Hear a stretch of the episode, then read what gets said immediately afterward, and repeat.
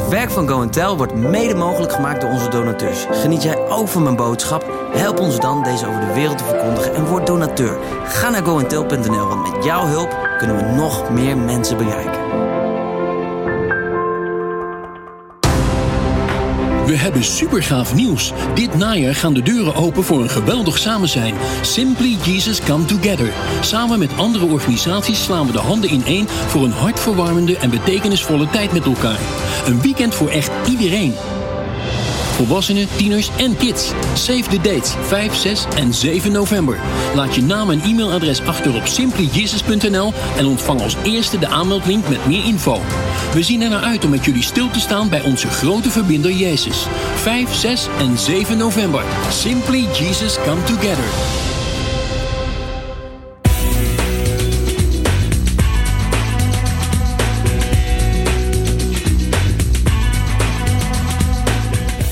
Dat je er bent. Een leven zonder de Heilige Geest is als rijden in een auto zonder brandstof. Of kijken naar de televisie zonder dat de stekker erin zit. Hoe pas je zijn hulp nu concreet toe? Je hoort het in de podcast van deze week met als titel Hoe helpt de Heilige Geest?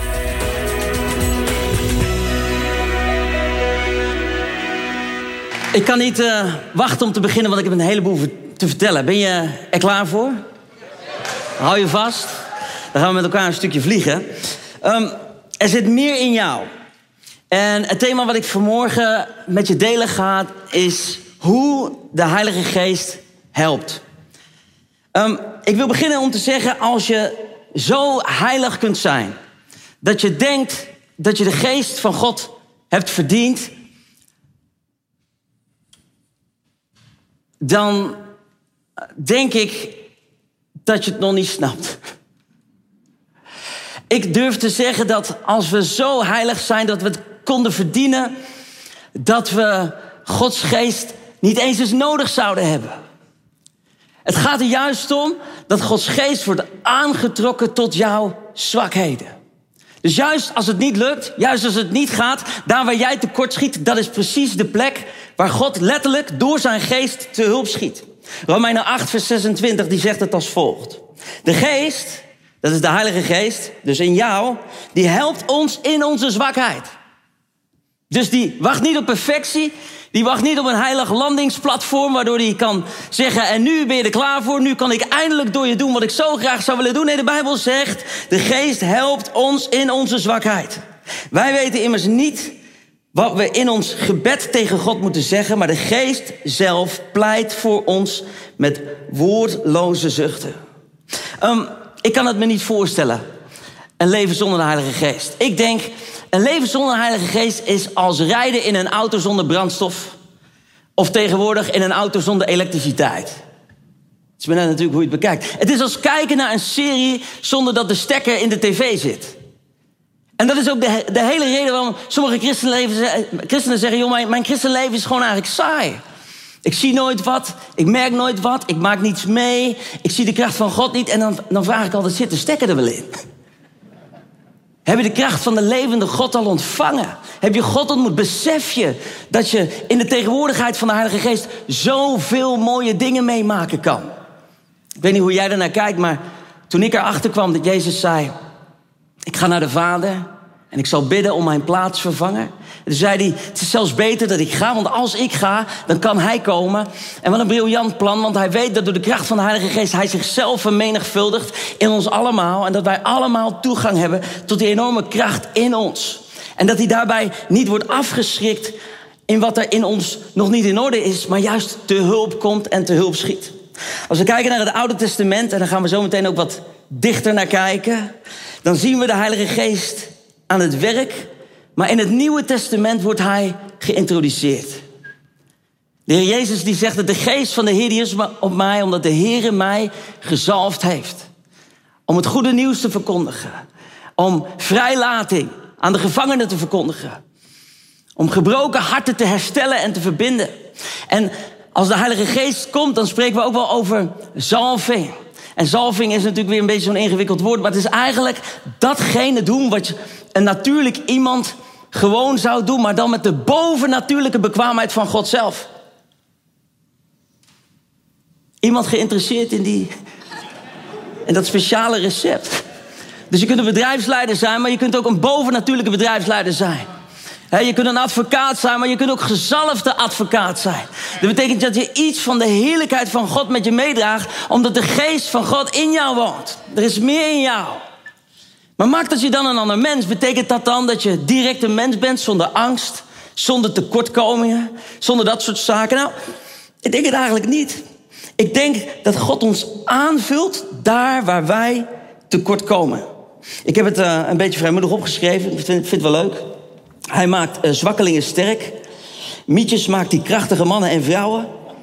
Een bakkersjongen maakt hij een evangelist. En zo aan.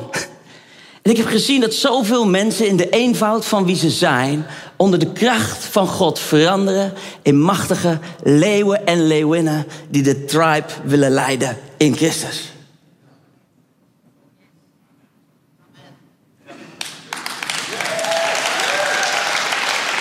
Ik vind het wel mooi.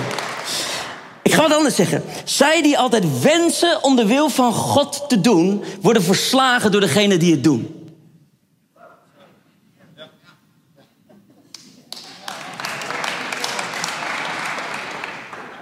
In het Engels kun je het zo mooi zeggen: hè? Those who wish to do the will of God are overrun by those who do it. En dan heel even voordat ik mijn main thema induik en mijn main verhaal pak. Een prachtig voorbeeld hiervan is koning Saul die in dilemma zit niet weet of hij de Filistijnen kan verslaan. En wat gaat de beste man doen? Hij gaat, onder een boom zitten wachten. En hij zegt tegen zijn hele groep met soldaten: Jongens, niemand eten. Laten we vasten. Laten we hopen. Laten we bidden dat er iets gebeurt. En hij probeert God te pleasen. Hij probeert religieus te zijn. Hij probeert te vasten en te doen. En daarmee hoopt hij iets van doorbraak te forceren. Terwijl aan de andere kant, notabene zijn eigen zoon, zegt: Ja. Ga niet de hele tijd zitten wachten. En wat hij doet is, hij, hij neemt zijn staf en die steekt die in, in een honingraad. En hij neemt wat van die honing, dat wat zijn vader had verboden, wat niemand mocht doen. En de Bijbel zegt, zijn ogen stonden weer helder. En ik weet niet of je het weet, maar hij was de man die de overwinning bracht aan de Israëlieten die dag. Waarom? Omdat hij zich sterkte met de honing van God. Nou, wat denk je? Dat heeft te maken met de zalving van de Heilige Geest. Zij die zich weten te sterken in de tegenwoordigheid van God, doen dingen die anderen niet durven. En dat betekent niet omdat je dan een beter mens bent, of dat je het dan allemaal op een rijtje hebt. Sterker nog, ik geloof juist dat als je zwak bent, dat God je ziet. En dat als Hij je dan ziet, dat Hij het mooie in jou omhoog haalt. Hoe vaak heb ik dat zelf niet zo gevoeld of meegemaakt? Dat ik dacht, ja maar Heer, ik kan dat toch helemaal niet. En toen werd ik eraan herinnerd, ja maar gast, jij hoeft het niet te doen. Ik kan en wil het doen in jou. Weet je nog toen uh, onze lieve vriend Gideon werd belaagd door allerlei deugnieten. Amalekieten, deugnieten, allerlei problemen. En wat deed de beste man? Hij deed iets wat wij vandaag de dag allemaal kennen. Midianieten. Hij ging in lockdown in zijn eigen wijnpers. En hij had zijn eigen oogst verzameld, over egoïsme gesproken, zodat niemand daar aan kon komen.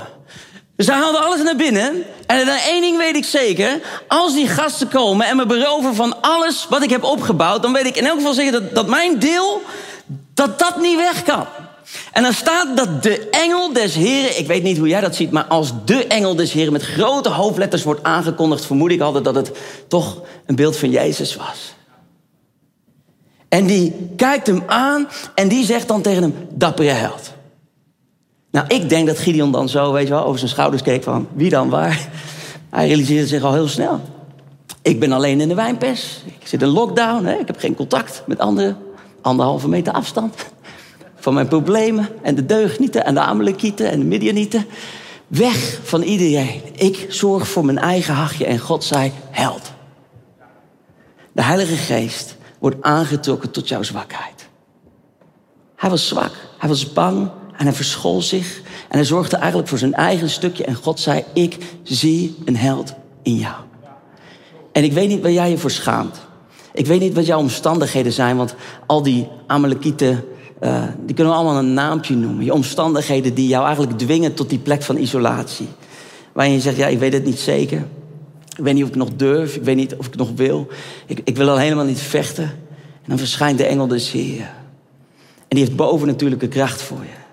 En ik bid dat God in jouw omstandigheid, in jouw persoonlijke wijnpers, in jouw persoonlijke wanhoop vandaag verschijnt en tegen je spreekt. Tegen je zeggen zou, ik zie een held. Ik zie een heldin. Ik zie een, ik zie een jonge leeuw. Ik zie iemand die, die meer kan dan dat hij denkt dat hij kan. Dat is de kracht van onze God. Richter 6, vers 33. Weer sloten de Midianieten, de Amalekieten en alle andere deugnieten en andere woestijnvolken uit het oosten zich aan één. En ze staken de Jordaan over en ze sloegen hun tenten op in de vallei, in de vallei van Jezreel. Dit is wat de vijand doet. Ik weet niet of je het goed leest, maar de vijand intimideert met zijn aanwezigheid. Hij valt niet in eerste instantie direct aan, maar ze stellen zich aan de rand van het volk van Israël om ze te intimideren en eigenlijk te zeggen, daar zijn we weer. We zijn er om je te beroven van je oogst. We zijn er om je hè, angst aan te jagen. Nou, al die dingen bij elkaar. is precies letterlijk wat er hier gebeurt. En dan staat er, en dit vind ik zo mooi, dat is waar het vandaag om gaat. Toen kwam de geest van de Heer over Gideon. En hij blies op de ramshoorn om de afstammeling, afstammelingen van Abiezer onder de wapenen te roepen. De geest van God maakt verschil tussen nacht en dag. Zelfde omstandigheden. Al jaren. Elke keer kwamen ze alles beroven. Elke keer kwamen ze intimideren. Maar toen kwam de geest van God over Gideon. En het mooie is dat we in het Oude Testament eigenlijk lezen dat dat sporadisch gebeurt. Dat het ook gebeurt Um, ik zou bijna zeggen met een soort voorkeur, persoonlijke voorkeur. De een kreeg het wel, de ander kreeg het niet. God moest iemand apart zetten en, en aanraken. En, en heel erg, ja, misschien wel als je de juiste dingen deed, dat je het dan kreeg. Maar in het Nieuwe Testament lezen we dat de Bijbel zegt: Ik zal mijn geest uitstorten op alle vlees. Alle mensen. Dat is de belofte van Joël. Dat werd al geprofiteerd. En waar had het mee te maken? Al de jaren die de kaalvreter had gestolen, ga ik voor je herstellen. Zou je blij over kunnen zijn? En dat is bijzonder om te zien, want je hoeft het niet zelf te doen. Maar God die zegt, als je mijn geest hebt, als je mijn wind in de zeilen krijgt. En let op hè, ik heb het niet over een leven waarin alles altijd maar goed gaat. Maar ik heb het over een leven waarin tegenslag en moeilijkheden zijn. Maar je weet dat je kunt vertrouwen in een God die jouw leven in de hand heeft. En je weet dat als het lastig is, dat hij je optilt. Ik, ik kan daarvan getuigen. Er zijn momenten dat ik preek en er zijn momenten dat ik goed preek. En tegenwoordig uh, vind ik het ook niet zo erg meer om te zeggen. In Nederland mag je dat niet zeggen als je iets goed gedaan hebt. Maar ik zeg het soms gewoon. En dan zeg ik, kom op het podium zeg tegen, tegen Joyce, ik zeg, nou lieverd, volgens mij ging het lekker hè vandaag. Ging goed. En er zijn ook momenten, heb ik niet goed gepreekt, maar dan word ik gewoon boven mezelf uitgetild. En dan zeg ik, ik weet niet waar het vandaan kwam. Maar ik weet dat het de Heilige Geest was. Die een ander niveau aantikte. De Heilige Geest is in staat om iets te gebruiken wat ik zeg en zo te vertalen naar jouw hart dat jij vandaag ontvangt wat jij nodig hebt in Jezus' naam. En als je thuis zit te wachten op, een, op, op de bank voor een woord van God en je hoopt dat ik het zeggen ga, ontvang het in geloof en het is van jou. In Jezus' naam. Wat jij nodig hebt. Je hebt mijn woorden niet nodig. Gods geest woont in jou. Amen. Nou, de geest van God kwam over Gideon. Dag en nacht verschil. En dan komt dat moment dat, um, dat Gideon die bevestiging nodig hebt. Eh, ken je dat stukje met dat kleedje? En dan moet het kleedje nat zijn en de grond droog. En dan wil hij het nog weer andersom. Hoeveel bevestigingen had die man wel niet nodig voordat hij wat ging doen? We hebben er wel eens over nagedacht? Wij zien dat allemaal super boven natuurlijk, maar het was eigenlijk gewoon heel onzeker. Ik zou zeggen dat Gideon, misschien was hij wel een Hollander. Heeft u het wel echt gezegd, Heer? Ik weet nog goed dat de Heer mij riep om fulltime te gaan, om het evangelie te preken. En eh, mijn, mijn Bijbel die lag open en ik kwam thuis. En ik, ik zei tegen Joyce, ik zei liever, ik zeg volgens mij moet ik fulltime gaan. En soms heb je van die springende bijbelteksten. Die springen dan uit, uit je bijbel bovenop je.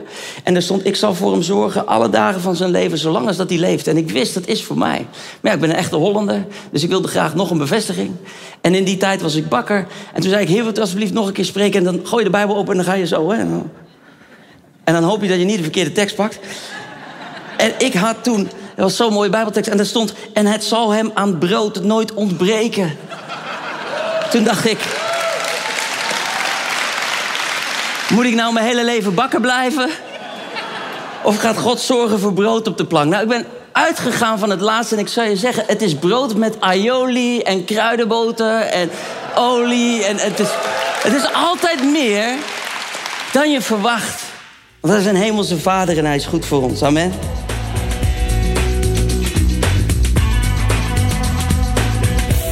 Dit was deel 1 van Hoe helpt de Heilige Geest? We zien uit naar je reactie op info@goentel.nl. De nieuwste blogs, video's en overdenkingen vind je nu ook in de Simply Jesus app. Download hem vandaag nog in de App Store of op Google Play. Blijf zo op de hoogte en laat je inspireren.